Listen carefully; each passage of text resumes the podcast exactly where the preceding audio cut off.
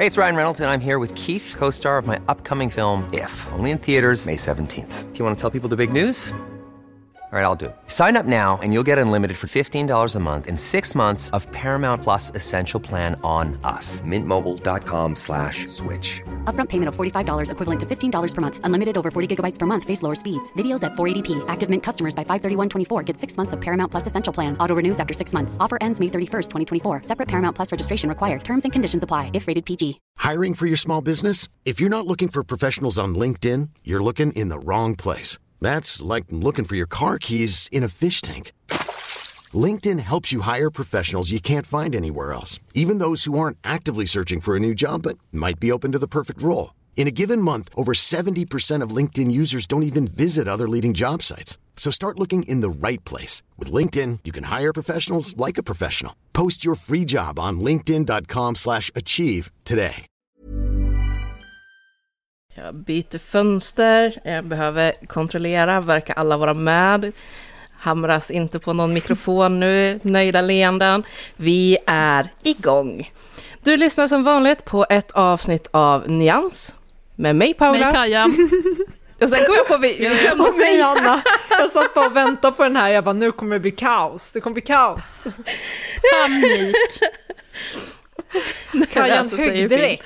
Ja, jag, tänk, jag satt och tänkte, herregud, hur ska vi lösa det här? Ja, jag, får, jag får hugga den snabbt. Ja. Ja. ja, det är bra.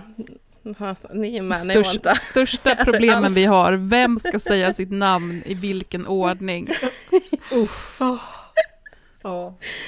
Tar vi oss förbi det så Men överlever vi allt. det- Mm. Nu är vi introducerade, det är det viktiga. Mm. Då har vi inspelningen igång. Så ja, åklagaren kan väl börja ställa frågor.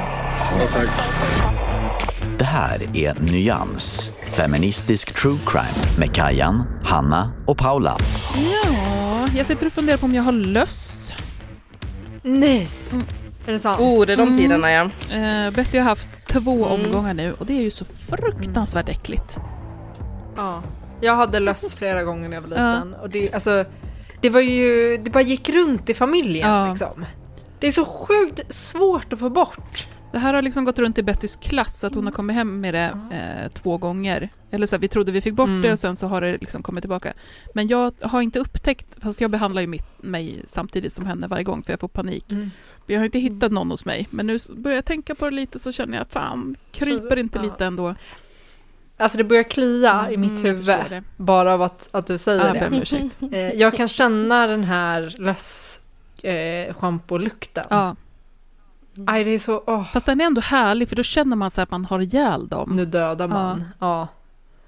Nej, men jag har eh, ja, många miserabla minnen från löss-tiden. Ja, men och mycket sådana här Mm. panikartade googlingar som vi liksom har gjort. Jackie har ju inte så mycket hår på huvudet. Eh, Mm. Lite grann. Och då är det så här, okej, kan man få, hur långt ska håret vara för att man kan få? Kommer det fästa i hans Mm. lilla liksom, sudd, tofs där uppe? Och så här, könshår, sätter de sig där? Ja. Ska man slänga i Ja. medel där också? Det är så mycket man inte vet. Ja, nej men det är så här, och sen byta alla lakan, allt. Vet jag blir så panik, allt som har nuddat någonting. Ja, och det ska man tydligen inte eh, behöva göra. För att de blir, om de inte sitter på liksom, ett hårstrå eller på huvudet så blir de typ Mm.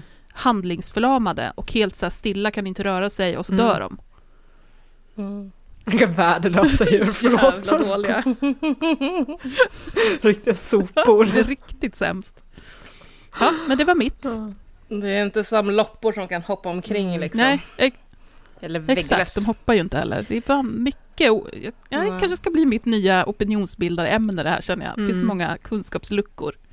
Alltså jag har haft otroligt tur med, med det där. Jag hade löst tror jag, två gånger som barn och sen har det Nej. aldrig hänt igen. Jag hade inte heller mycket. Och på mina stora barn så en Mm. gång har de haft löst. Sen hade vi, vi fick ju flytta på Saria när eh, Saria var, alltså mitt, mitt äldsta barn då, var tre, fyra. Hade, hade ju för fasen hunnit bli. Men när Saria var fyra, för att eh, det, det funkar inte alls på förskolan där, där Mm. hen gick då. Och eh, där var det ju någon lärare som fick en sån jävla hang-up helt bestämd på att Saria hade löss. Oh.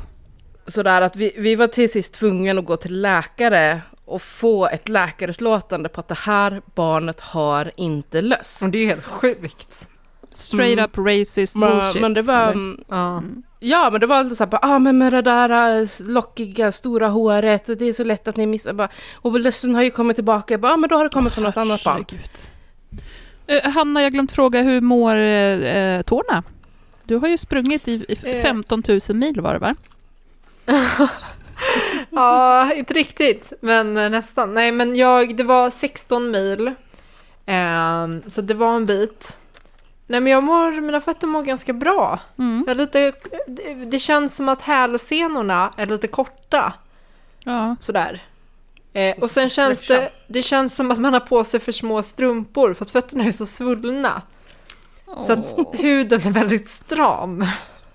Men hur, för du, visst sa du sist att du har ju, du har ju tappat tånaglarna på flera tår?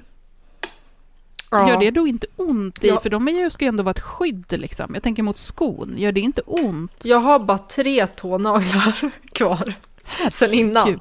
Men sen har jag, alltså det som händer är när man tappar en nagel, då är det inte bara hud, utan det är som en liten mini bebisnagel under. Nej, vad säger du Som nu? en liten, det är som en liten, liten, ett litet, litet skal. Jätteliten. Nej. Eh, som någon liten kant typ. Eh, Det beror på hur lång, har det gått lång tid? För ibland kan processen för att tappa nagel kan ju pågå väldigt länge. Och då hinner, innan den trillar av, så hinner det utvecklas en liten nagel under. Men i det här, ibland när de skadas väldigt allvarligt, då trillar de ju av snabbt. Och då hinner den inte riktigt med skapa den här bebisnageln. Men jag har bebisnaglar eh, på de flesta. Nej, det är, inte, det är jätteskönt att inte ha naglar. Jätteskönt. Jag tycker det är Eh, så de är obehagligt. mycket mindre problematiska. Eh, Jag tycker det är så obehagligt. Alltså du hade inte velat se mina fötter just nu. Nej, du kommer ju slänga upp dem någon gång snart. Men, ja, problemet är att jag är för stel just Ja, nu. okej. Annars hade jag gjort det, men jag kan liksom inte få upp benet i den höjden. Alltså jag har, jag har en Eh. bild i huvudet nu av de här bebisnaglarna du pratar om som... eh, Det är inte vackert. Nej det är det inte, men jag ska skicka en bild till Åh, dig sen, för det, jag tror att det är läskigare i ditt huvud än vad det är i verkligheten. Ja, men tänk om det inte är det, Hanna. Tänk om det, tänk om det är jätteläskigt i mitt huvud och så är det 7000 gånger värre. Det finns en risk, Ja, men jag tror att jag är beredd att ta ja den. du ja. Det är klart att du är det. Åh, vi. Ja, nu blir jag sugen på att ta lite bilder. Åh nej. Nej, men alltså, Eh, Men du, jag ska, jag ska, du ska inte få alltså det nu. na- naglar, och det här har jag ju sagt hur många gånger som helst. Naglar som växer konstigt och kanske på konstiga ställen. Alltså det, jag har ju så här, Ma- Mard, tänk typ att det skulle börja växa ut naglar typ på ryggen, som så här fjäll. Ja. Och så här tänder som växer typ i gommen och sånt. Ja men det, det är ju obehagligt. De här, alltså, det, det ser ju ut som ett, nu tog jag en bild på det. Det ser, det ser ju inte ut som, en, som att, det ser inte ut som att det tillhör en levande person. Fan. Ja, nej, det, nej jag, jag får nog, du får säga till när du är redo för den här. För den är ganska illa, den här bilden. Men, eh, Gör kära, skicka det under avsnittet och sen så avslutar vi med vi knyter ihop Mm. säcken, Okej. Ja. liksäcken för dig, för dina fötter. Liksäcken. Och så tar vi Mm. det på slutet då. Område 2, 29 återkom. Nyans. Feministisk true crime med Kajan, Hanna och Paula. Idag så kommer vi prata om ett eh, fall, det är ett våldtäktsmål och det här är ett sånt fall som har blivit väldigt uppmärksammat. Eh, Vi har sett det diskuteras på flera håll på sociala medier, på Instagram framför allt. Eh, Och vi har då tittat på det, det är ett sånt här, det kan jag säga redan nu, en sån här klassiker med att det är ett förändrat eh, straff från tingsrätten till hovrätten. Eh, ni vet ett sånt hovrätten har gjort det igen eh, fall. Så vi har helt enkelt tittat på tingsrättsdomen och vi har tittat på hovrättsdomen. Vi har inte gått igenom en FUP till det här avsnittet utan det är de här två domarna som vi kommer eh, att prata om. Och det här kommer också göra att eh, min del här med händelseförloppet som jag alltid går igenom i början, det är relativt kort. Och så kommer vi eh, foka sen på, på domarna, vad de säger och sen så eh, i en smaskig diskussionsdel också förstås. Så vi kör. Vi har två inblandade personer i det här fallet. Det är eh, två fingerade namn. Vi har ett brottsoffer som vi kallar för Frida och vi har en förövare som vi kallar för Lukas. Ehm, det är morgonen den 21 juli 2022. Klockan är runt 05.40 och Frida ringer in till polisen. Hon berättar att hon eh, varit ute kvällen innan och att hon vaknat upp hemma hos en kille eh, som hon känner sedan tidigare. Men hon säger också att hon inte minns vad som har hänt, men att det hon vet är att hon har vaknat och inte haft underkläderna på sig och att hon har väldigt ont i underlivet. Det kommer en patrull och eh, hämtar henne, åker hem till henne och efter att man har varit en sväng på eh, polisstationen så kör man henne till sjukhuset. Där kommer man göra en läkarundersökning strax efter klockan 10 samma dag. Man kan då se att Frida har skador i underlivet. Det är eh, generellt rodnat och ömt. Men det finns dessutom, dessutom sprickor och sår inne i underlivet. Tidigare på morgonen, redan vid 07.45, så har man tagit blodprov. Och där har man sett att Frida har en alkoholkoncentration i blodet på 1,42 promille. Rättsmedicinalverket kommer göra bedömningen att Fridas alkoholkoncentration sett ut eh, så här. Vid 04.00 på natten 2,1 promille.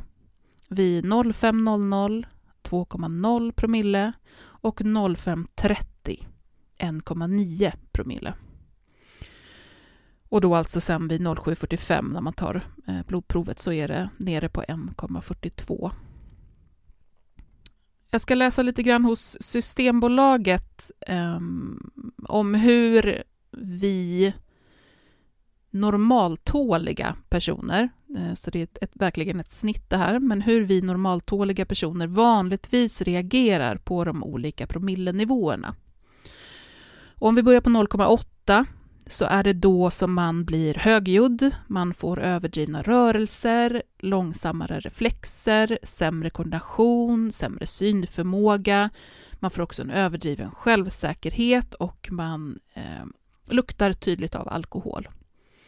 Vid 1,0 så blir talet sluddrigt, man får svårt att gå stadigt, muskelkontrollen blir försämrad och man har svårt att kontrollera känslor. Vid 1,5 så kommer den raglande gången, man kan få känsloutbrott, eh, det kan handla om att man blir aggressiv eller börjar gråta och eh, man börjar eventuellt också kräkas. 2,0, då har man svårt att gå upprätt och man har dubbelseende. Vid 3,0 uppfattar man inte vad som händer och vid 4,0 så är det medvets, med, medvetslöshet och också en överhängande risk för dödlig alkoholförgiftning. Man skriver också här att det är svårt för normalkonsumenter att komma upp i 1,5 promille. Eh, att vanligtvis så slutar normalkonsumenter som eh, försöker supa sig fulla, det vill säga man dricker med liksom syfte att försöka bli packad eh, och som normal konsument så, så slutar man ändå när man uppnår ungefär en promille. Så att komma upp till 1,5 är svårt, eh, att komma upp till 2 och över 2, som i Fridas fall då, eh, är ju naturligtvis ännu svårare. Eller mer ovanligt ska vi säga. Man tar in den här killen i fråga då, och det är ju han som vi kallar för Lukas. Och de båda kommer lämna två väldigt olika berättelser om vad det är som har hänt den här natten. Frida då först berättar att både hon och Lukas, som hon känner som en kompis, var på en fest den här lördags eftermiddagen. Den här festen började redan vid två på eftermiddagen och runt 18-tiden så åkte Frida och Lukas och flera andra in till stan för att gå ut på krogen. Frida har inte klara minnen från när de åker taxin in. Hon är eh, redan då väldigt full, eller redan då, de har ju druckit sen klockan två i alla fall. Eh, men hon och Lukas var i alla fall på olika ställen, eh, olika uteställen. Men efter att krogarna stängt så minns hon att de eh, stöter på varann och träffas utanför en, en pizzeria. Och att Lukas då erbjuder henne att sova hemma hos honom istället för att hon ska försöka ta sig hem till sig. Han säger då till henne att hon eh, kan ta hans säng, så kommer han att sova på soffan. Och nästa gång som Frida minns någonting så är det när hon befinner sig i Lukas säng och hon vaknar upp och Lukas står då vid sängkanten. Hon minns att han var väldigt arg när de pratade om varför hon har ont i underlivet och att han säger något i stil med att varför skulle jag vilja ha sex med dig? Nästa minnesbild som hon har är från trapphuset Eh, och hon ringer då sin kompis på Facetime. Hon kommer inte ihåg hela det här samtalet men hon har vissa minnesbilder. Hon berättar då för kompisen att hon inte hittar sina underkläder och att hon har ont i underlivet. Frida lyckas sätta sig i en taxi och åker hem och när hon är hemma så ringer hon till sin syster och berättar och systern säger till henne att ringa till polisen och det är vad hon gör. Lukas då, han berättar också om att de varit på den här festen och att de sen gått ut. Han lägger till att de har pussats vid ett tillfälle under kvällen, eller han pussar Frida och hon pussar tillbaka. Och så som sagt att de träffas utanför den här pizzerian då, efter krogarna har stängt. Han minns att Frida säger att hon ska hem Eh, men att han säger att det är lite för långt för henne att gå hem själv och att hon istället kan få sova hemma hos honom. Eh, han eh, säger själv att han skulle sova på soffan men att han upptäcker sen när de är hemma att han är för lång för att sova på den. Så att han frågar Frida om det går bra att han också sover i sängen, att de kan sova rygg mot rygg och det går bra för henne, säger han. Lukas tar också fram en hink och ställer vid sängen och det menar han är ifall någon av dem kommer behöva kräkas. Han har varit med om det förut och vill inte att det ska eh, hamna överallt. Och han säger själv att han också var full, de var fulla båda två, så att den hinken var för båda. Lukas beskriver sen hur de ligger i sängen och pratar, eh, har allmänt trevligt och hur det ena leder till det andra och som sen leder till samtyckessex. Han beskriver på olika sätt hur han märker att Frida är med på noterna, till exempel genom att berätta hur hon låter och att han uppfattar det som att hon njuter. Jag tänkte liksom lägga till det för att det kan kännas ganska stötande när man, när man läser eh, och liksom går igenom en beskrivning av där han där han förtydligar hur hon njuter. Men eh, då får man också tänka att han får ju fråga med eh, frågor flera gånger kring hur han kan vara säker på att hon ville. Eh, så det är ju det han ger exempel på, enligt honom. då. Efter att de har haft det här samtyckessexet då, så tycker han ändå att det känns eh, lite konstigt, att det kanske inte var så jättebra att de hade sex, eh, just då i alla fall. Men han menar också att de ganska så snart börjar strula igen, men att han sen avbryter ehm, när det är på väg att leda till eh, sex igen och säger till Frida att det inte känns rätt att ligga, att de ska lägga ner. Lukas menar att Frida blir sur över det här och att hon ifrågasatte varför hon var där i så fall. Och sen säger han att hon från ingenstans reser sig upp, klär på sig och Eh, går. Medan hon klär på sig så ringer Fridas kompis till Lukas och han säger då till den här kompisen att Frida är på väg att gå, ska gå hem. Den här kompisen i telefonen blir sur på honom och säger att han inte ska låta henne eh, gå hem själv. Och sen dagen efter så ringer kompisen igen och frågar eh, vad det var som hade hänt egentligen. Och han eh, menar då att han berättade att han och Frida hade haft sex. Det här håller inte riktigt den här kompisen med om. Det är också samma kompis som Frida pratar med ute i trapphuset sen. Och den här kompisen har varit med, eh, i alla fall tidigare under kvällen, på den här festen. Hon menar att när hon pratade med Lukas dagen efter och frågade vad det var som hade hänt så förnekade han att han och Frida hade haft sex.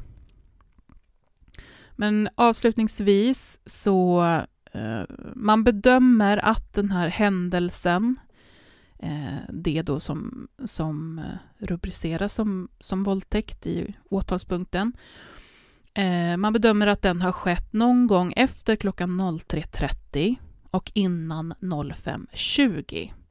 Och då för att påminna igen då, eller för att sammanfatta, så promillehalten för Frida under den här tiden, det här spannet, var alltså någonstans runt 1,9 till 2,1 promille. Och vid två eh, så har man alltså dubbelseende och svårt att gå upprätt. Däremot så kommer eh, det komma in lite andra bilder från försvaret eh, som menar att Frida, vare sig under det här larmsamtalet till polisen eller i möte med gynekolog på sjukhuset, verkade särskilt berusad alls. Så det här är vad eh, i första fall tingsrätten och sen även hovrätten ska ta ställning till. Då. Hanna Banana, vad kommer de fram till? Område 2, 29 återkom. Nyans. Feministisk true crime med Kajan, Hanna och Paula. Hey, it's Ryan Reynolds, and I'm here with Keith, co star of my upcoming film, If, only in theaters, May 17th. Do you want to tell people the big news? All right, I'll do. it. Sign up now and you'll get unlimited for $15 a month in six months of Paramount Plus Essential Plan on us. Mintmobile.com slash switch. Upfront payment of $45 equivalent to $15 per month. Unlimited over 40 gigabytes per month. Face lower speeds. Videos at 480p. Active Mint customers by 531.24 get six months of Paramount Plus Essential Plan. Auto renews after six months. Offer ends May 31st, 2024. Separate Paramount Plus registration required. Terms and conditions apply if rated PG. Hiring for your small business? If you're not looking for professionals on LinkedIn, you're looking in the wrong place. That's like looking for your car keys in a fish tank. LinkedIn helps you hire professionals you can't find anywhere else, even those who aren't actively searching for a new job but might be open to the perfect role. In a given month, over 70% of LinkedIn users don't even visit other leading job sites. So start looking in the right place. With LinkedIn, you can hire professionals like a professional. Post your free job on linkedin.com slash achieve today.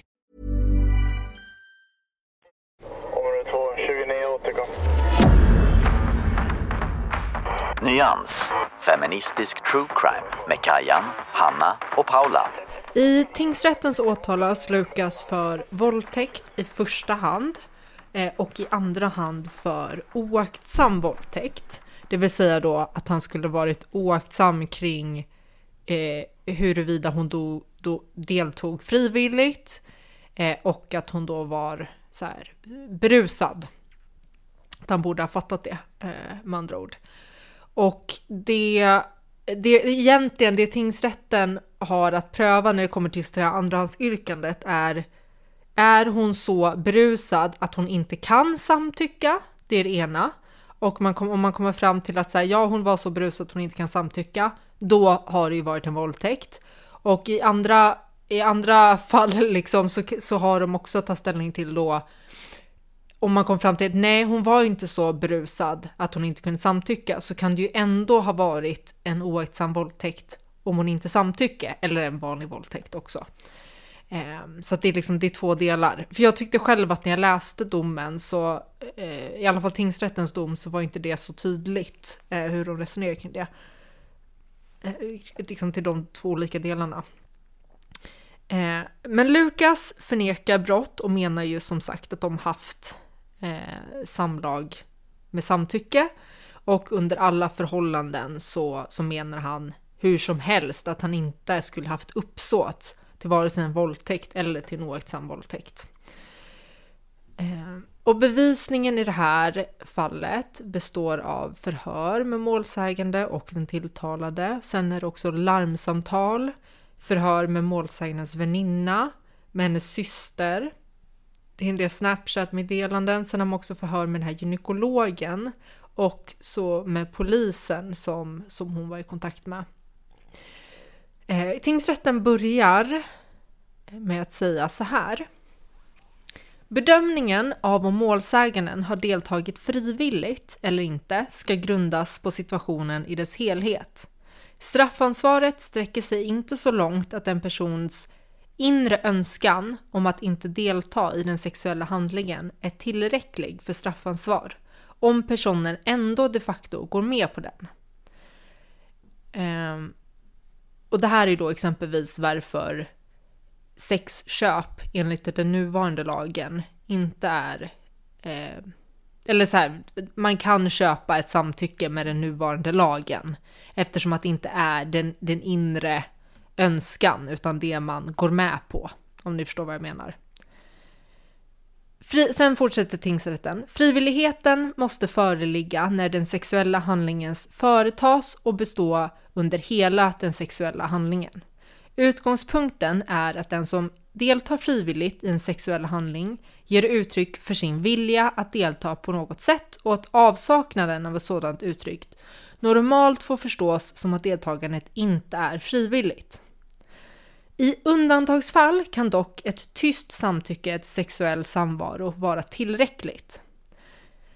Straffansvar inträder inte bara om gärningsmannen själv initierat den sexuella handlingen utan också när målsäganden varit initiativtagare till handlingen, vilket främst får betydelse för utnyttjanden och beroendefall.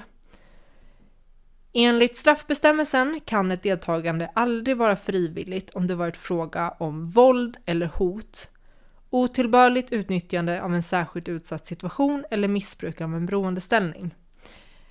Den som inte hade uppsåt men som är grovt oaktsam beträffande omständigheterna att den andra personen inte deltog frivilligt döms för oaktsam våldtäkt. Jag tyckte, jag tyckte att det här var så välformulerat och summerade hur lagstiftningen ser ut på ett väldigt bra sätt, så jag ville läsa upp det och det här är utgångspunkten för, för tingsrättens bedömning. Och i det här fallet så konstaterar tingsrätten att det är för det första klarlagt att det faktiskt har skett ett sexuellt umgänge. Det, det förnekar inte Lukas. Och det, ja, det, det är liksom självklart. Så då blir nästa fråga om målsäganden Frida deltog frivilligt och om Lukas då otillbörligen utnyttjat att hon varit berusad eller i ett sömntillstånd och då befunnit sig i ett särskilt utsatt läge så att hon inte kunde samtycka. Eh, och då säger tingsrätten så här.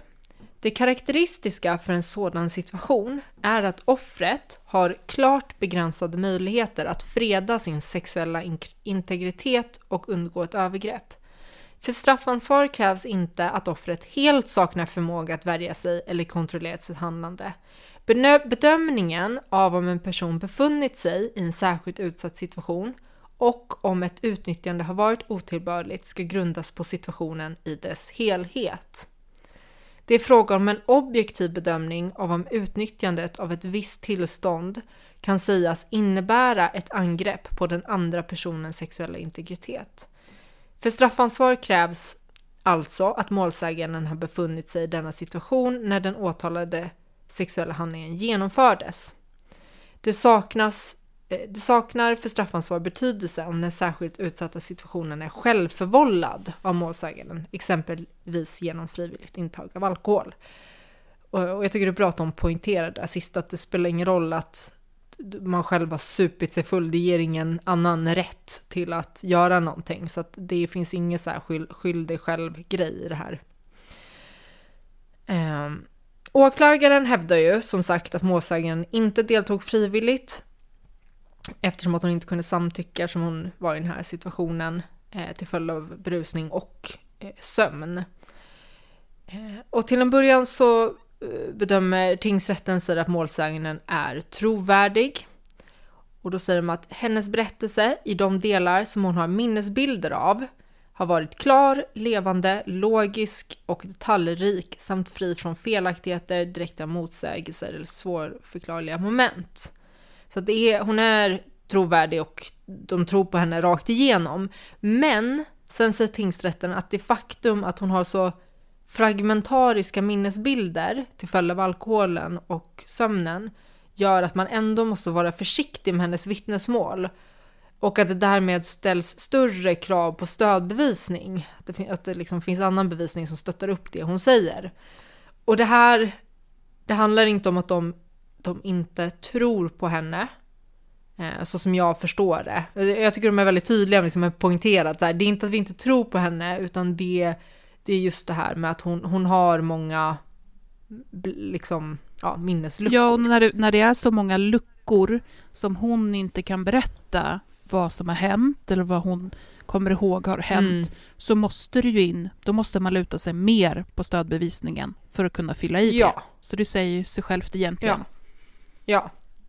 Ja men precis. Och tingsrätten menar också att det faktum att hon har minnesluckor, Eh, det talar ju för att hon har varit väldigt berusad.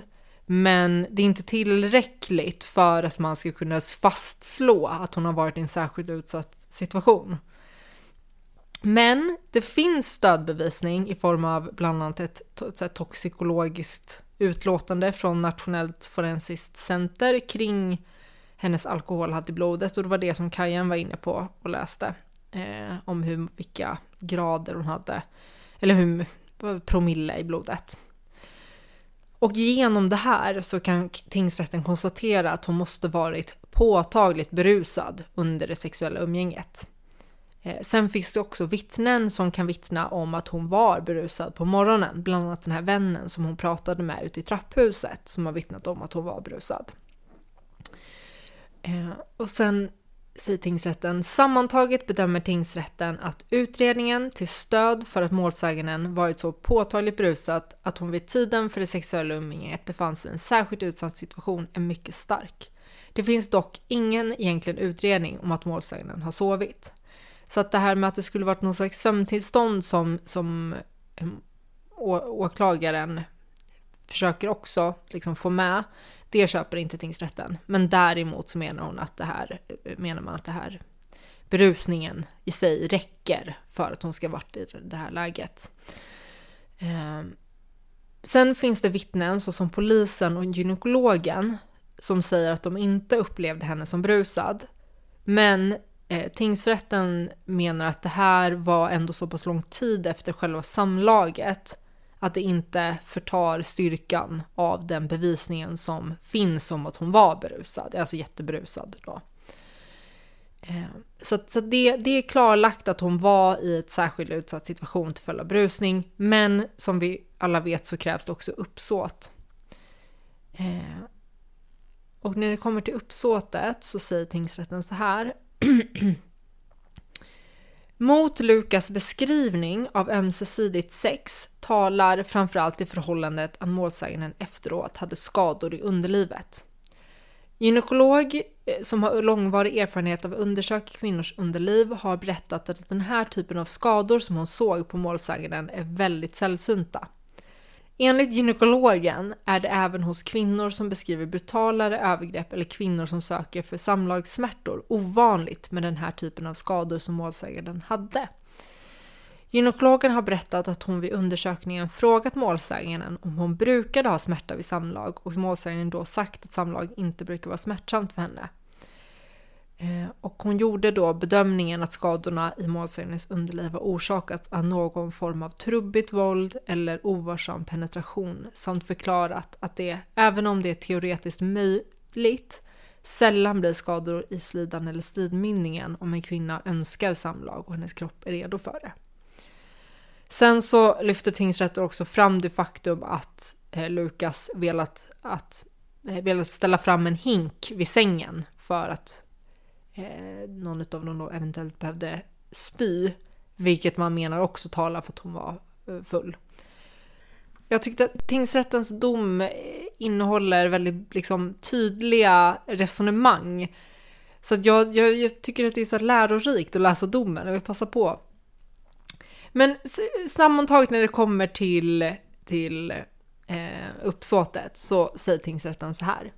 Lukas, trots att han insett risken för att målsäganden inte deltog frivilligt, genomförde ett samlag och förde in fingrar i hennes underliv, har han dock för, för, förfarit, förfarit medvetet oaktsamt. Det Det har varit fråga om ett medvetet risktagande av allvarligt slag och oaktsamhet är därför att bedöma som grov.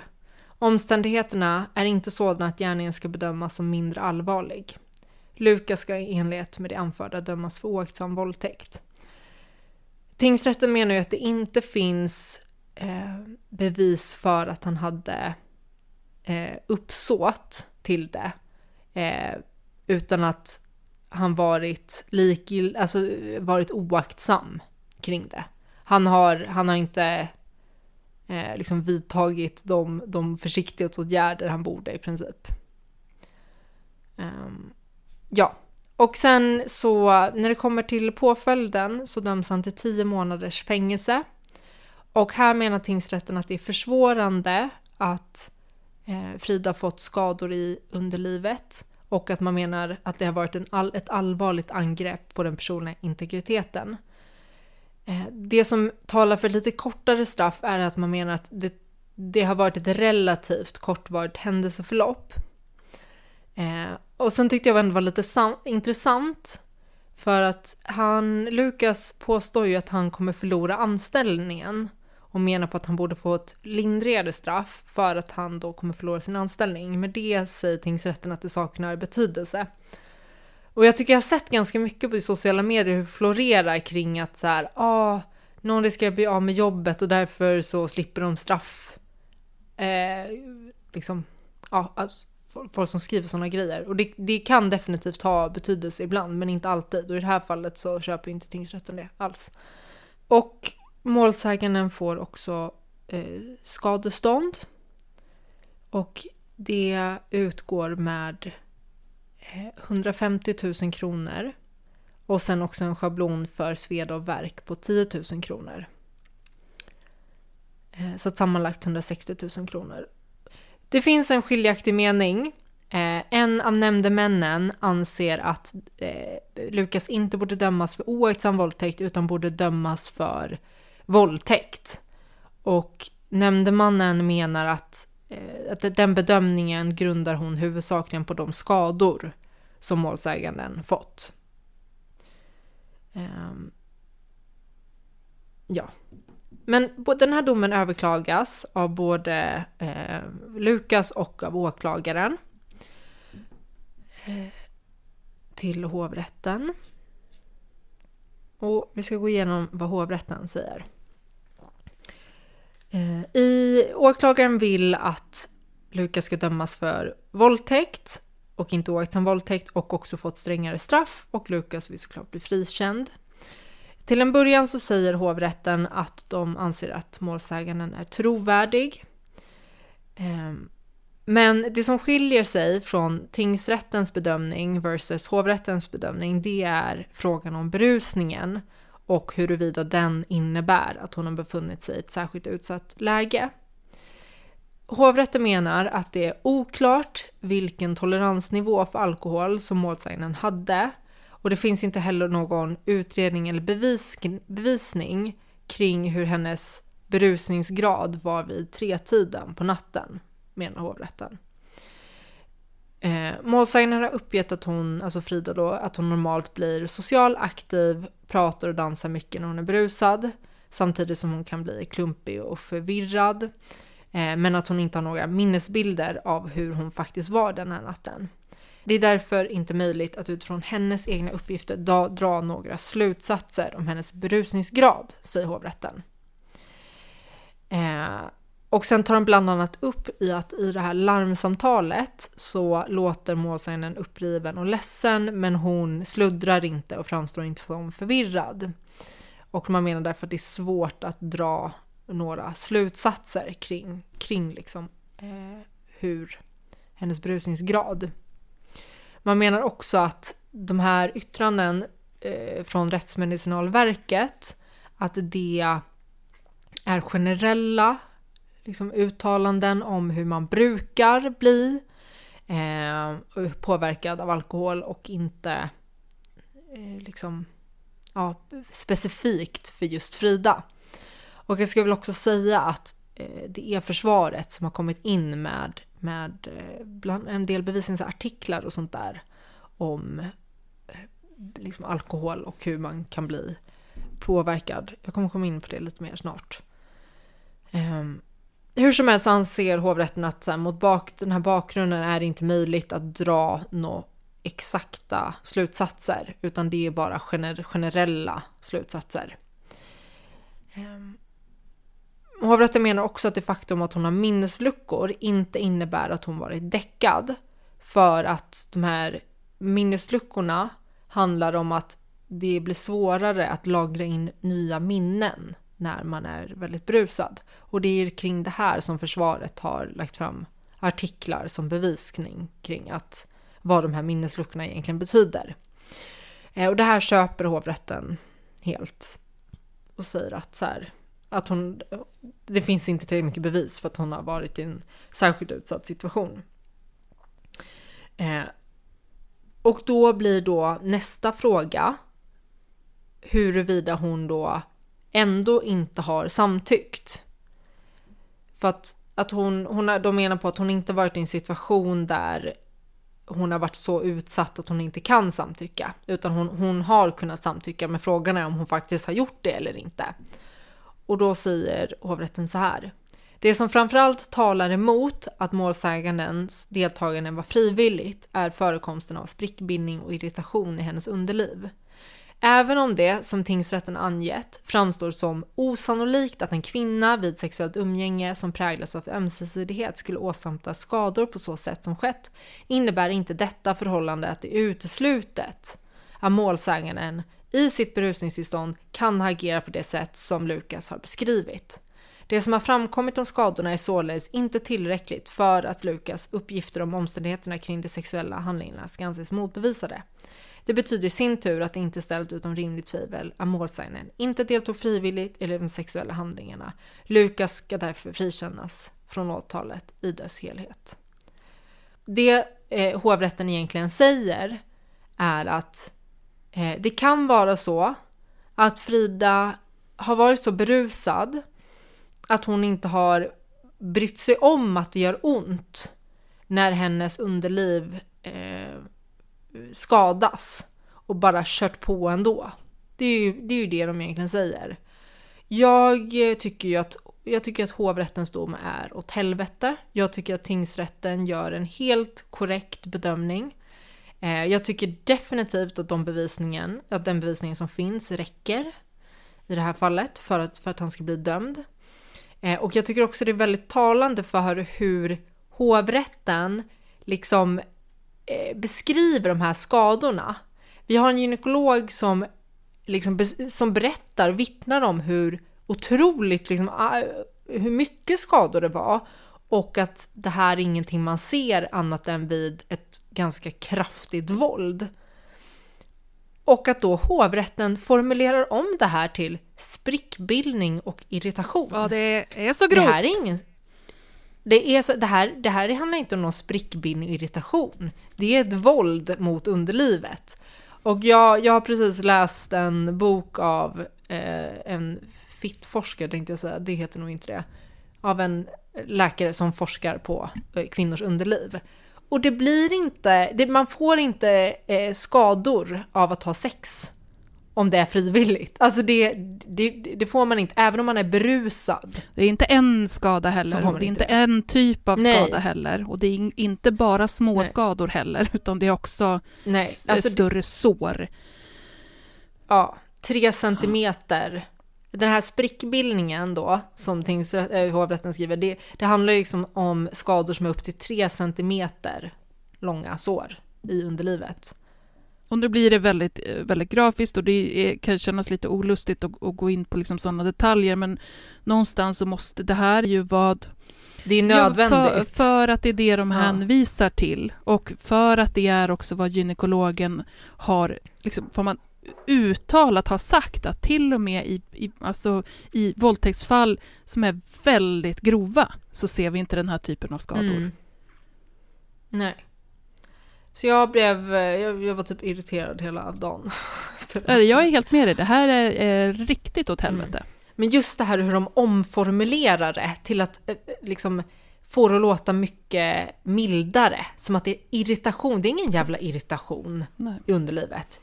Det, jag vet inte om ni såg eh, det, Cissi Wallin och Svelands dokumentär om det Nej. här med efter metoo. Nej. Jag, jag såg den faktiskt. Och då intervjuar de bland annat chefsläkaren på den här våldtäktskliniken i Stockholm. Mm. Eh, som berättade det då att i, tror att det var 90 procent av fallen ungefär som de får in med personer som har Mm. blivit våldtagna. Eh, även i fall där de har liksom varit misshandlade och liknande så hittar Nej. man inga skador Nej. i underlivet. För att det är så pass ovanligt för att den huden är gjord för att kunna klara väldigt mycket Ja. eh, stretching och våld och så vidare. Och i de fall där man hittar skador i underlivet, så i majoriteten av fall så sa hon, så är det att man ser sprickor Mm. i mikroskop. Mm. Att eh, offret själv säger att det svider och kissar till exempel. Eh, men med blotta ögat kan man inte se någonting. Mm. Utan först om man tittar då med mikroskop så kan man se att det är små, små, små sprickor eh, Mm. och skador i huden som gör att det svider eller känns liksom svullet och sådär. Så att ha den typen av skador som den här tjejen hade och för en massa idiot, alltså förlåt, jag, jag kommer vara argare sen i Mm. diskussionen än vad jag är redan nu. Eh, men att sitta Nej. och skriva ner det till när Ja. det är lite irritation, Nej men alltså de kan ju Det dra något funkar gammalt inte av- Nej, så men det, i här är det, och fittan. det, är för det, det är illa på så många sätt och vi brukar ju prata, de fall när vi eh, jag tänker på Jeanette till exempel, de fall när vi verkligen har kritiserat hovrätten alltså rakt Mm. igenom, inte bara på en punkt utan, utan rakt igenom, eh, som jag vet att vi lyfter då också med hur man på något vis kan se att de arbetar för att, nu låter det konspiratoriskt, inte så jag menar, men hur man genomgående i domen argumenterar för liksom att, att förminska eh, saker på, på flera olika sätt och, på, och egentligen rakt igenom, inte bara på en punkt. Och så tycker jag verkligen alltså, att det är i det här fallet också. Tar man de Ja. sakerna som man har med Lukas, att han, alltså redan från när de träffas vid pizzerian, att han eh, initierar att hon ska följa med honom hem för att det är för långt för henne att gå. Redan där finns det indikationer på att han har snappat upp hur pass Ja. full hon är. Framställandet av den här hinken, hans väldigt sketchy eh, berättelse om att han kommer på att han är för lång för att sova på sin soffa, som också är alltså sopa igen eh, spår. Eh, Ja. till att så här, bara alltså resonemangen kring huruvida hon var så pass full att hon var i en särskilt utsatt situation. När ni har blodprov som visar på en extremt hög promillehalt, extremt hög promillehalt, och att då vara så pass Alltså leta så långsökt så att man är så här, jo fast det är generella eh, uppskattningar. Jo, eh, naturligtvis, allting är väl generella uppskattningar när det kommer till sådana här saker, för att du, du kan inte åka tillbaka i tiden och titta exakt hur Frida var. Men, Nej. men de är ganska Nej. så pålitliga. Ja men det är också det här att det här som, som tingsrätten också sa, man ska kolla på det i dess helhet. Vad, vad, man, det, om det var det enda vi hade, då kan vi okej vi kan diskutera om det var det enda som fanns. Men det finns ju massa annan bevisning. Massor med annan. Också det här, som jag vet att jag har pratat om tidigare också, det här med att ja, det finns sällan vittnen till våldtäktsfall, men där har, har domstolspraxis kommit fram till att har du till exempel pratat med någon direkt efter och berättat så kan den bevisningen räcka. Och det här är ett typexempel på ett sådant fall. Frida har direkt eh, anmält Mm. det här. Hon har berättat, i upp, alltså hon har varit uppriven, hon har berättat och ja men du vet, nej det är så mycket Ja, men och också bevisning. det perspektivet med att hon har, då har vi de vittnesmålen som berättar att jo men jag pratade med Frida på telefon då, hon var jättefull. Mm. Och sen så har vi de här andra totala främlingar för Frida som säger att jag uppfattar inte henne som jättefull. Nej, det, för det första så rör det sig liksom med eh, både telefonkontakt och så, men, men generellt överlag, Ja. det är eh, främlingar kontra personer som känner henne väl, som borde kunna göra och har sett henne Ja. i berusat tillstånd förut, som borde kunna gö- göra ganska så trovärdiga uppskattningar kring hur berusningsgraden är, då tillsammans med, med vad blodprovet säger om att det faktiskt var så. Där kan man ju bara slå fast att det var Mm. så. Men, men återigen, alltså med graden av hur de här skadorna är, så, så borde det när det är så pass, alltså jag skulle kunna säga att ö, även utan skadorna så, så tycker jag att det vore en, en ganska självklart fällande dom även i hovrätt. Med de här skadorna, det ska inte finnas ett tvivel. Mm. Nej, alltså hovrätten har ju, det är ju akrobatik det är det. de hållit på med här. För att eh, Mm. Och hoppas det här, alltså det kommer ju inte gå till, eh, till Högsta domstolen. Men man kan ju alltid, man kan ju alltid hoppas. Ja, alltså det börjar, börjar hovrätt att krumbukta sig kring eh, det särskilt utsatta eh, tillståndet eh, som man befinner sig i och utsattheten. Börjar man krumbukta sig kring Mm. det, där man pratar om ehm, ja, men sånt som vi, och det här har vi gått igenom tidigare, ehm, vad det är som kan bedömas som gör att man befinner sig i det tillståndet. Men där en berusning har varit liksom Självklart, då kan man då visa på att det har varit en kraftig berusning så ska det liksom inte gå att relativisera bort det med att det är generella uppskattningar om promillehalt. Och Så av den Nej. anledningen så, så skulle man ju verkligen vilja att HD gjorde en genomgång på, på vad, vad det är som gäller.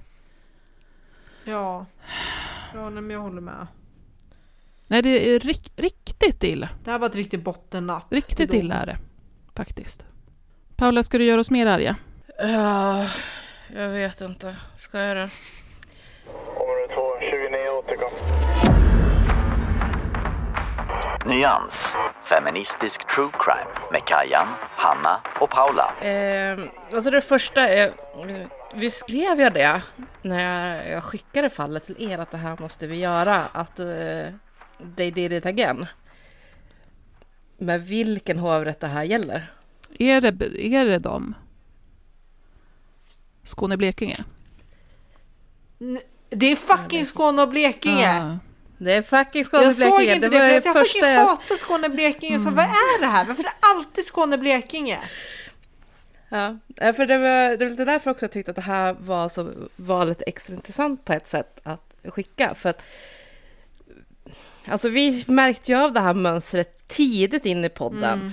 Och sen hittade ju du den här forskningsrapporten, Hanna, som var verkligen så att vi, vi har inte känt Nej, fel. jag kände De det. sticker ut i att vilja fria och speciellt i sexualbrott. Och det här var verkligen liksom Alltså, som för att riktigt driva hem att hej, vi är hovrätten som inte tycker om att behöva fälla för nej, våldtäkt. men alltså det är ju Sammanfatta bara här- snabbt för alltså- nya lyssnare som inte har hört oss ta upp det förut. mm. Jo men så här, jag hittade en... Eh, vi, vi, har noterat ett mönster, som Paolo sa, vi har noterat ett mönster där vi upplevde att hovrätten för Skåne och Blekinge dömde annorlunda i den här typen av fall. Och sen hittade jag en rapport från, jag tror att det var Domstolsverket, jag måste leta fram den igen, som hade gått igenom en massa domar för att se huruvida domstolarna dömde enhetligt. Och då så sa man ja, domare runt om i Sverige dömer enhetligt, förutom en domstol som det ser lite annorlunda ut, nämligen hovrätten över Skåne och Blekinge. Mm. Och vi, Och det var ju så också att de hade oproportionerligt mycket friande domar. Och att de friade i fall där man kunde se att i andra domstolar med mer eller mindre identiska fall så vart Ja. det fällande domar. Slutsatsen där blev ju lite grann att det här behöver man titta vidare på för det är ju någonting som skevar i den här Ja. domstolen. Varför följer inte de samma synsätt som alla andra Ja, domstolar för, för det var ju det som gör? vi studsade på. Att det var, när det var, vi tog upp fall och så var det flera gånger som det gick upp till hovrätt och så titt, gick vi igenom domen och så bara, men vänta, vad är det här för resonemang? Vad är det här för Ja. konst? Vad, varför, Mm. varför hänvisar de till det här? Eller varför, i, i vilket annat fall som helst så hade det här Mm. bara eh, ska säga, klubbats igenom rakt av, att det är så solklart. Men där var de här krumbuktandena. Och sen bara, Mm. men gud, det är ju samma jävla hovrätt hela tiden. Men jag hade missat att det Mm. var det i det här Mm. fallet också. Det här är ju ett klassiskt eh, Skåne-Blekinge eh, krumbuktande. Ja, precis. Alltså, det är inte så att inte andra domstolar kan komma med katastrofala domar. Alltså, det var ju inte domstolen för Skåne Blekinge till exempel som kom med snippadomen, mm. det var ju hovrätten för västra Sverige. Men det, har, det är oproportionerligt många sådana här domar från Skåne Blekinge domstolen. Uh, nu, nu har inte jag hunnit kika, vad var det för könsfördelning på de som dömde den här gången? När vi pratar om sådana här domar så handlar det ju inte om att, som vi ofta ser eh, i sociala medier, att det handlar om en hovrätt som har friat eller sänkt ett straff. Mm. Det är inte det vi pratar om, utan vi pratar om det här krumbuktandet, där det finns ganska solklart underlag och, och eh, stöd och bevisning som täcker upp hur utfallet ska bli, men att man krumbuktar sig runt det. Så det är ju inte att det är en, ett, ett friande eh, i sig, utan det är ju utifrån eh, underlaget och den bevisning som finns, eh, hur man tar sig ur det.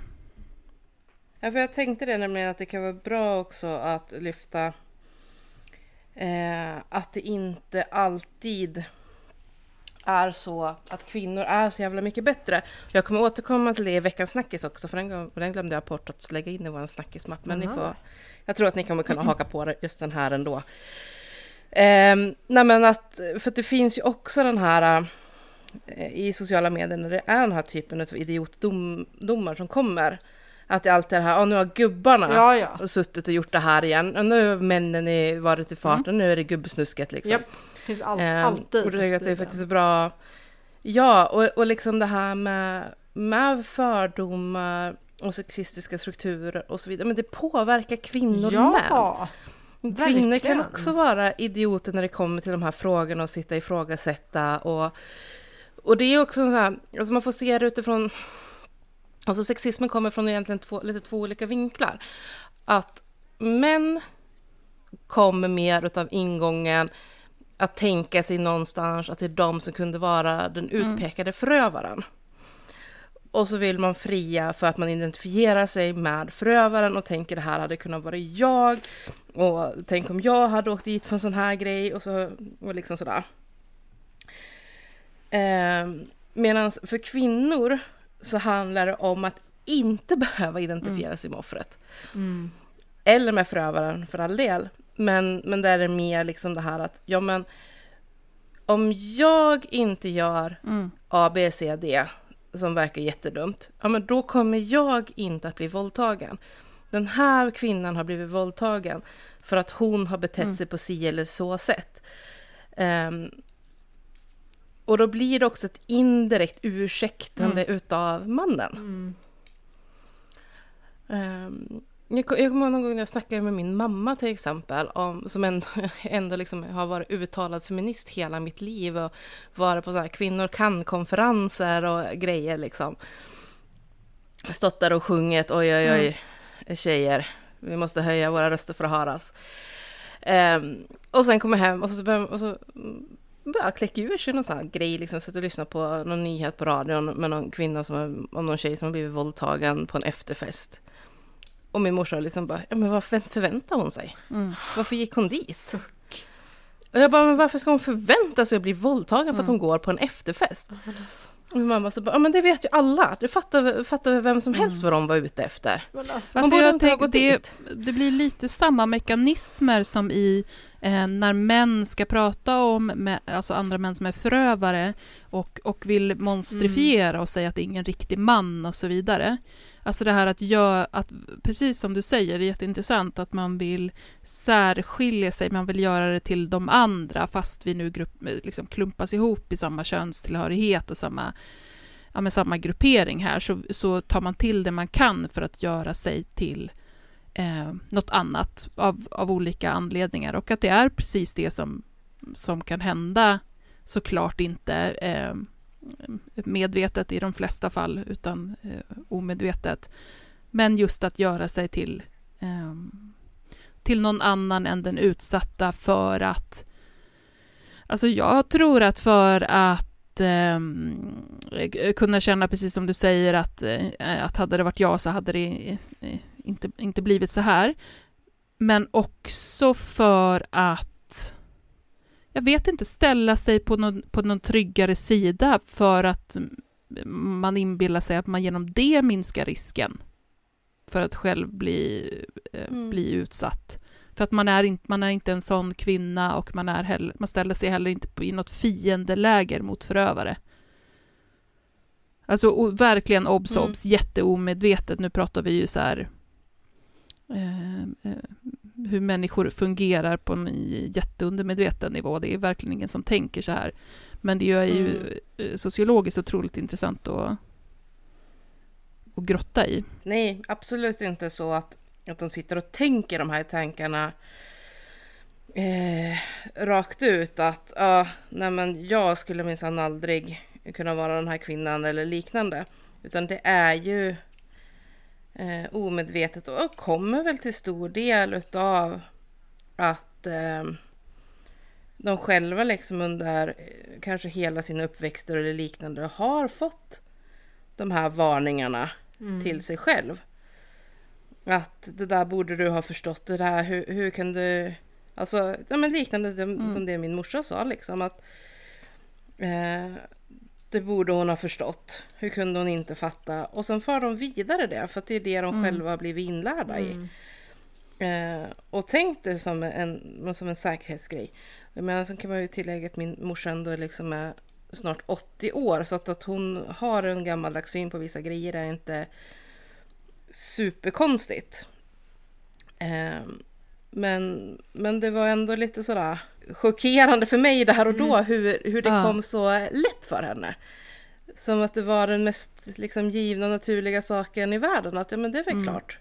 Mm. Att det är så Ja, här det för funkar. förklaringsmodellerna har ju funnits där så länge så det är klart att de blir lätt att ta till.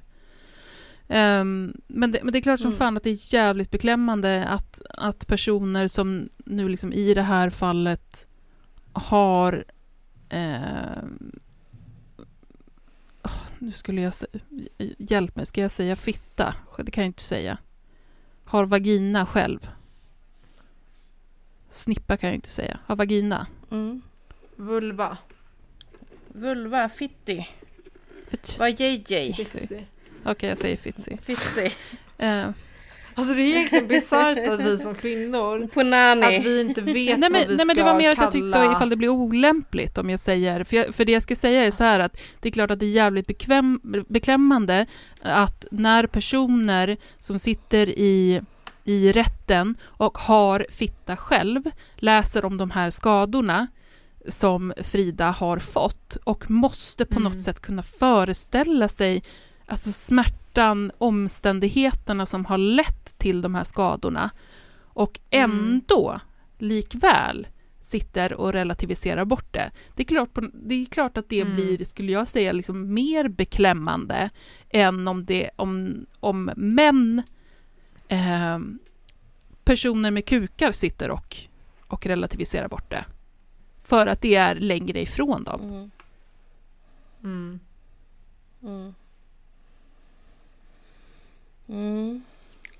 Jag tycker det är sorgligt oavsett vem det är som sitter och tycker att ja, det borde de förstått. Nej, det borde de ha kunna undvika eller ja, vad det nu blir. Ja, och det, i det här fallet blir jag tycker att det blir så jävla Mm. grovt just, just eftersom vi har de här skadorna Mm. och man liksom i princip säger att eh, ja, både då som, som jag faktiskt har sett kritik om att man, man säger både att det är lite oklart om hon verkligen var så där himla full och sen så säger man också att hon kanske var så pass full att hon inte kände av de här smärtorna utan liksom körde Mm. väldigt oklart. Och, och det blir ju väldigt grovt. Mm.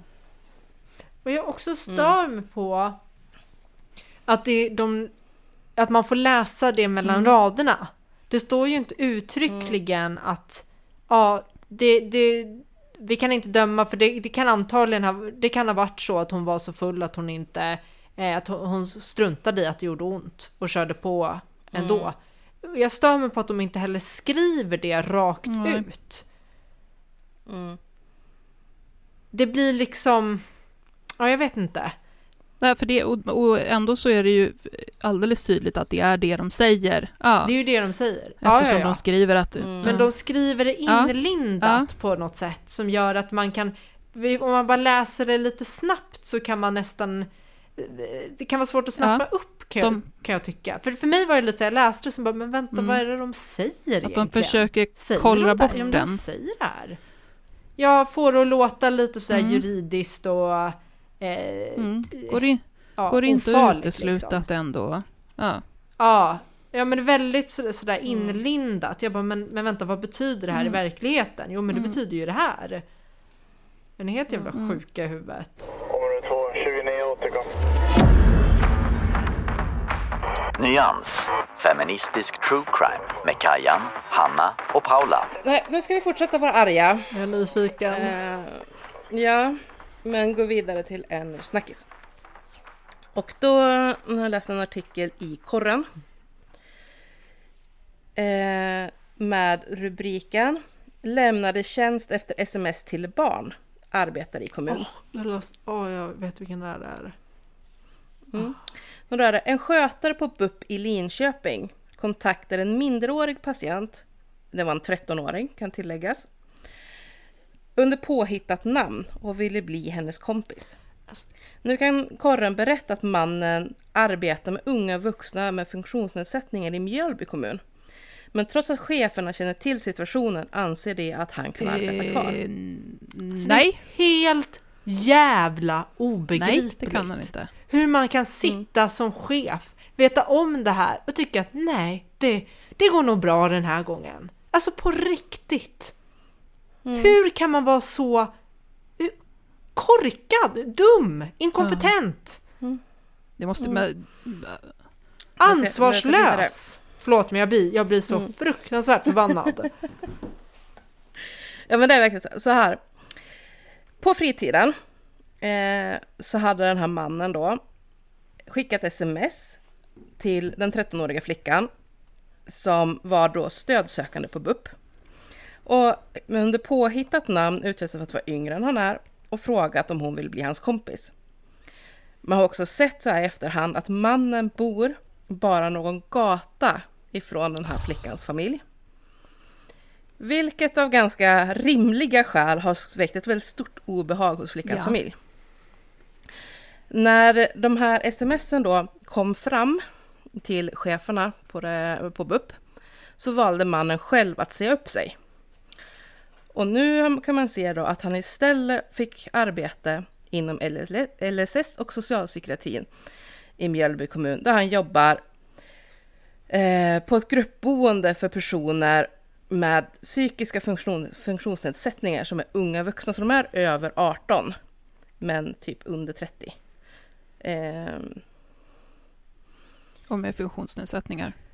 Eh, ja, men jag säger det, men det är, det är personer med olika Mm. typer av funktionsnedsättningar som fortfarande är utsatta situationer och som inte ska ha ett creep som Nej. jobbar med dem. Alltså, Inga creep. det här alltså, är ju som, jag pratade om det förut, men eh, Hanna, när du och jag för Garde tänkte, höll på och skulle göra en, eh, en grej om, om grooming, så var det ju precis Mm. det här som, och, Mm. och jag minns inte den här gången heller exakt vem det var som jag intervjuade, men, men det var ju, och då rörde det ju skolväsendet, så Mm. säg att det var någon på Skolverket eller något liknande. Eh, det var ju precis det här som man sa, att när de här personerna eh, blir liksom påkomna eller håller på att uppdagas så Mm. avslutar de tjänsten. Och, och kan då sen för, liksom förflytta sig till någon annanstans. Så de, de avbryter det innan Men- de blir uppsagda eller innan det händer något mer liksom. Och sticker och Ja, hoppar runt som- till en annan tjänst. Ja, Så fortsätter de så. men Mm. det var ju som, som min gymnasielärare Mm. som höll på och skicka sms och ville umgås utanför skolan. När det här uppdagades Mm. att han hade gjort, höll på på liknande sätt med massa tjejer eh, och typ alla Mm. tyckte han var ett creep. Då flyttades han Mm. av Stockholms stad från en skola till en annan. Han Mm. fick alltså, och de sa uttryckligen till mig att vi har fullt förtroende för honom. Jag bara, det är ju jättemånga som har vittnat om massa olämpligheter. Nej, men det spelar ingen roll. Mm. Men nu kan vi säga så här då. Att eh, enhetschefen på det här gruppboendet, som är en kvinna, eh, fick höra talas om de här ryktena, kallade medarbetarna på samtal och sa att de kommer ju behöva utreda Ja. den här situationen. Eh, och sen pausade de Ja. hans arbetspass för Ja. ett tag. Ja. Och sen sä- säger hon så här till Korran. Vi pratade om att han skulle ta fram material som visade att han var oskyldig. Under tiden stoppade vi hans timmar för att se om det fanns en polisutredning, då det rörde sig om allvarliga anklagelser. En förundersökningsledare bekräftade att det inte fanns någon pågående utredning och då kände vi oss trygga med det, förklarar hon. Informationen spreds till en grupp eh, boendes personal. I ett mejl till skötarens kollegor förklarar enhetschefen kort att en medarbetare varit föremål för misstanke om brott som har utretts och att er kollega kommer att fortsätta att jobba hos er. Men alltså, Men, men vad, vad, varför var förundersökningen nedlagd? För då blir jag också så här, ja nej det är klart man som, om man sätter sig in i det perspektivet, det är klart att man som, som arbetsgivare inte kan gå på att någon sägs ha gjort någonting. Man kan inte säg, liksom, säga upp folk på vilka grunder som Mm. helst, så funkar det ju inte heller. Så, att, så där får man ju liksom ändå gå in och för, liksom, Mm. kolla på okej, vad har de för underlag, har man gjort utredningar? Ja, men jätte, det lät ju som att man gjorde rätt insatser direkt, men sen har det ju landat i någonting annat. Mm.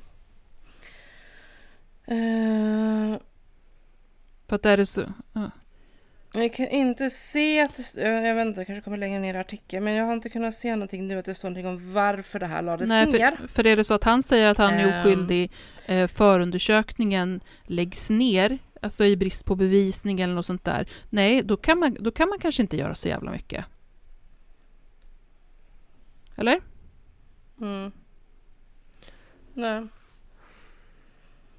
nej, eller jag, jag tänker att det, det här blir en Mm. arbetsrättsfråga. Och jag tänker att det, för, förtroendet kan ju ändå vara förbrukat. Även om det inte räcker, om bevisningen inte räcker för en brottsmålsprocess så kan det ju ändå finnas tillräckligt mycket för att ehm, det ur ett arbetsrättsligt perspektiv inte ska finnas förtroende eh, och man ska kunna säga upp en Men det anställning. verkar du ju inte ha gjort här då. Om, om de har pratat med honom, Nej. han säger att nej, det, så här var det absolut inte. De ringer till polis för Mm. att dubbelkolla det här och se vad det är som har hänt och de säger nej men det här är ingenting nu, det är inget aktivt med det här, det här är nedlagt. Då har, då har de Mm. nog kanske, då har de väl inget Mm. mer. Om det är så. Mm. Alltså vad jag kan hitta så presenterade han aldrig några, några bevis på att han var oskyldig. Eh, och Korren verkar själv ha fått se smsen i fråga. Eh, och de har kunnat se de offentliga eh, dokumentationen att det är han själv som begär att se upp sig. Mm. Eh, och som det ser ut i den här kommunen så, så även när man jobbar med utsatta personer över 18 år så begärs inget registerutdrag eller så ifall man har varit dömd tidigare eller liknande. Utan det är bara någonting man begär, begär ut med de som ska jobba med personer under 18. Eh, och så. Det som väl är mer eh, illa, eller vad man ska säga, är väl till exempel eh, att man frågar om man kan se några risker med att anställa en sån här person. Eh, och det svarar man på att absolut, det kan vi se en risk i. Eh, och man frågar också lite kring då, eh, nu är det fler som de intervjuar, men, men eh, också kring så här, hur säkerheten kommer se ut och sånt här. Att nej, men han verkar uppfylla kriterierna. Vi kan, vi kan inte garantera att han inte kommer att göra någonting. Eh, men vi anser inte att det är skäl nog till att han inte ska få jobba vidare. Mm. Jag känner ändå att jag får ta lite... Nu är det här en nyhet som är ny för mig, så jag har inte läst någonting själv om det. Eh, och har därmed eh, dålig, eh, dålig kunskap kring det. Men jag får nog ändå backa lite på mitt initiala eh, skrik, det här är fullkomligt åt helvete, med att ja, nej men från, arbets, från arbetsgivares ehm, renodlade perspektiv så är det inte alltid liksom solklart med att du kan avsluta folks tjänster hur som helst. Eller liksom flytta dem för någonting. Har man gjort det som man liksom eh, ser sig skyldig att göra, utredare, kontrollerare på olika sätt. Jag menar, han ska inte behöva bevisa sin oskuld för att kunna få jobba kvar. Så, så, ska vi, så kan vi ju inte ha det heller. Mm. Men, men är det, är det Mm. så att det är... Och jag menar sen att, att, att journalister har få, fått fram, kanske via tips eller grävt, gjort alltså, grävande journalistik och fått fram mer underlag. Så, så eh, alltså det är ju jättebra, men det är ju ingenting som säger att arbetsgivaren har samma möjligheter eller ens skyldigheter att göra samma grävjobb på alla. Fair enough. Fair enough. Mm. Så här, polisutredningen läggs ner. Eh, för att man inte tyckte att innehållet var tillräckligt allvarligt. Men det är det Det bevisat. en upp- Men det är ändå bevisat, Ja, det är att han har bevisat. Skickat sms. Jag tycker det räcker för att Ja. avsluta en anställning. Eh, föräldrar är så här. Eh, den här 13-åringen kontaktar BUP. Får prata med någon i telefon. Eh, sent på kvällen, några dagar efter att Sa- Saga Mm. i ett signerat namn som de använder i artikeln har varit i kontakt med dem i BUP så får hon ett sms där det bara står hej. Eh, dagen efter svarar hon och frågar vem det är som kontaktat henne och får då tillbaka vill vara kompis med dig. Saga frågar då om de känner varandra och avsändaren säger då att han heter Sam, bor i Linköping och är 28 år gammal. Och då skriver Saga, oj du är lite för gammal för mig. Uh, han frågar vad hon heter och hur gammal hon är och hon svarar, minderårig vill inte säga. Uh, och tack och lov så visar ju hon det här då för sin förälder. Eh, eller för sina föräldrar och de tycker att det känns väldigt obehagligt att en vuxen man har tagit kontakt med deras dotter så de polisanmäler det som ofredande. Eh, och då när polisen eh, kollar upp det här numret så visar det sig då att eh, numret som meddelandet kommit ifrån går till skötaren på BUP i Linköping som Saga nyligen haft kontakt med genom psykiatrin. Jo, alltså jag, jag min eh, bedömning, ut, alltså väldigt så här eh, dragen ur röven bedömning, är att det där är en anställning som man kan Ja, avsluta. men frågan är ju då också, för, för det är ju en skillnad på vad polisen vet och det underlag de vet och vad, vad Mm. uppdragsgivaren har, vad de vet. Absolut. Så, så att då utgår vi Ja. från att de ska Ja. veta de här sakerna och då tycker jag Ja. också att det är solklart. Ja. Men om man inte vet Mm. det så... är det så svårare. Då är det klart, om man inte vet det så blir det ju... Om man, in, ja, om man inte det vet det man och man samtidigt tid har, har gjort det man är skyldig för att, alltså på en rimlig nivå Mm. för att ändå ta reda på det, men, men Mm. ändå inte fått reda på det, då kan man inte göra så jävla mycket. Nej. Nej, men det kan jag hålla med Vilket om. eh, intressant fall, det här var ju... Ja. Mm. Precis. Ehm, De anmäler eh, för övrigt igen nu med att de vet vem det är som har gjort det här. Det lägger polisen också ner och jag antar att det är för att det inte framkom någonting sexuellt rakt av. Alltså, Nej. jag tror att de, det bedömdes Det som relativt oskyldigt. det behöver inte vara något, innehåll, eh, något tyvärr. brottsligt som, som polisen känner att det här är någonting vi ska göra. Däremot kan det ju vara djupt, djupt olämpligt. Exakt, det kan ju Exakt, och jag tror att det är det som har hänt lite grann där. Eh, och då tar faktiskt pappan och smsar. Helt enkelt. Varav mannen svarar att eh, han skulle ha blandat ihop med någon som han kände och ber om ursäkt. Eh, vilket det helt uppenbart inte handlar om. Sanna, du kan inte skicka bilder på dina tår. Det vart lite olämpligt kände jag när det kom mitt i resonemanget. Eh, Ja, Jag hann förlåt. glömma bort. Jag tänkte jag bara oj, när jag skickade det, jag bara snälla hoppas Jag inte Kajan brukar tittar försöka nu. Hålla jag koll på Slack fippla. under tiden, för ibland kan det ju vara att vi skriver någonting till varandra där som är relevant för, och då kommer det ju upp en notis, och så går jag in i chatten, eller i i den, och det är en bild. Det ser ut som, de ser ut att vara tillhöra en död person, eller hur? Alltså jag gick in och kollade för jag tänkte så att nu, nu har du skickat någonting för att påminna om att vi ska avrunda eller sådär och så bara... Men vad är det där Nähä, bruna, det Anna? Är det smuts? Eh, jag vet inte riktigt vad det är. Det kan ju bli infekterat, du måste ta bort det där bruna. Nej, Nej men alltså jag, jag har gjort tre fotbad. Eh, jag har skrubbat mina fötter. Det går inte bort. Men då är det ju inte smuts, då är det någonting annat. Vad Det- är, jag vad är det där ovala i mitten som det blänker på? Det, det, det, det är det som är mininageln. Det ovala som blänker i mitten, det är mininageln som jag pratar om.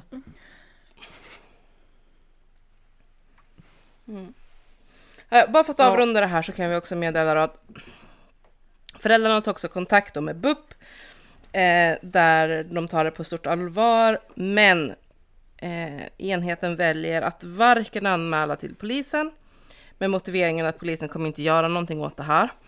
Eh, och de anmäler heller inte till IVO, vilket ju då fel. innebär att eh, den här eh, vårdaren eh, ju faktiskt på pappret inte har någon typ av prick som talar om att han är olämplig, vilket gör att i den här nya kommunen nu då så är det ju faktiskt korrekt hanterat på så sätt att vi har inga egentliga bevis, vi har ryktena.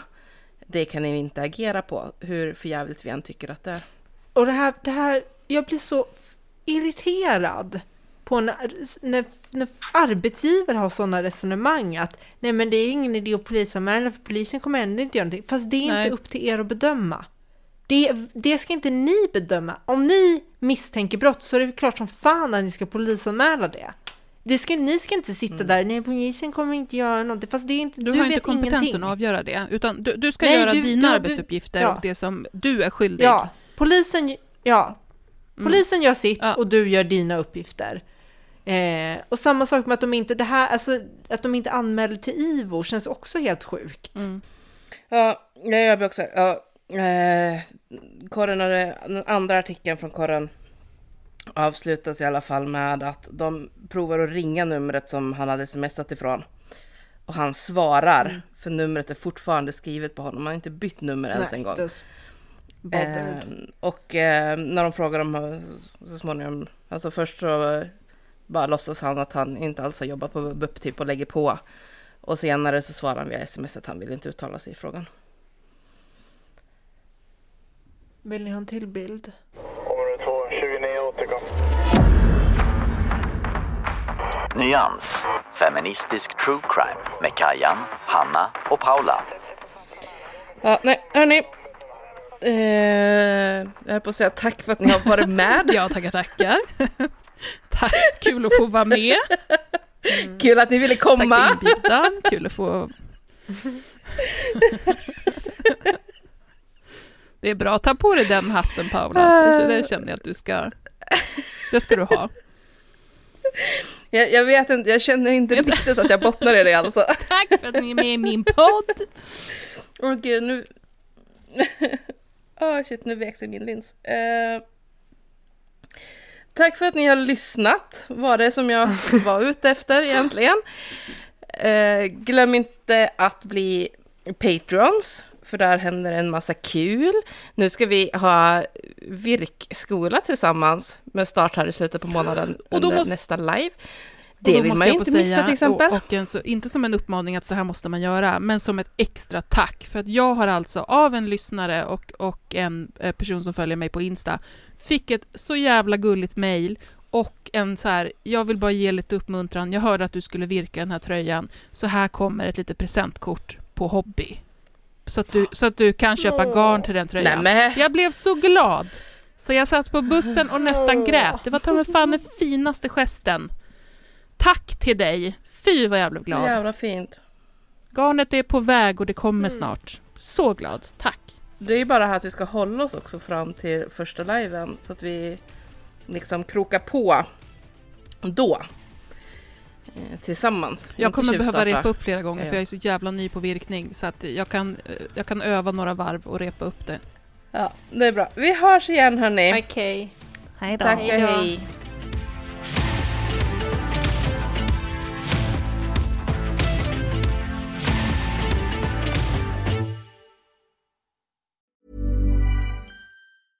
Imagine the softest sheets you've ever felt. Now imagine them getting even softer over time. That's what you'll feel with Bowl and Branch's organic cotton sheets. In a recent customer survey, 96% replied that Bowl and Branch sheets get softer with every wash. Start getting your best night's sleep in these sheets that get softer and softer for years to come. Try their sheets with a 30-night guarantee. Plus, get 15% off your first order at bowlandbranch.com. Code BUTTERY. Exclusions apply. See site for details. When you make decisions for your company, you look for the no-brainers. And if you have a lot of mailing to do, stamps.com is the ultimate no-brainer. It streamlines your processes to make your business more efficient, which makes you less busy. Mail checks, invoices, legal documents, and everything you need to keep your business running with stamps.com. Seamlessly connect with every major marketplace and shopping cart. Schedule package pickups and see your cheapest and fastest shipping options from different carriers with rates up to 89% off USPS and UPS rates. And with the stamps.com mobile app, you can take care of mailing and shipping wherever you are. Make the same no-brainer decision as over 1 million other businesses with stamps.com. Sign up with code program for a 4-week trial plus free postage and a free digital scale. No long-term commitments or contracts. That's stamps.com. Code program.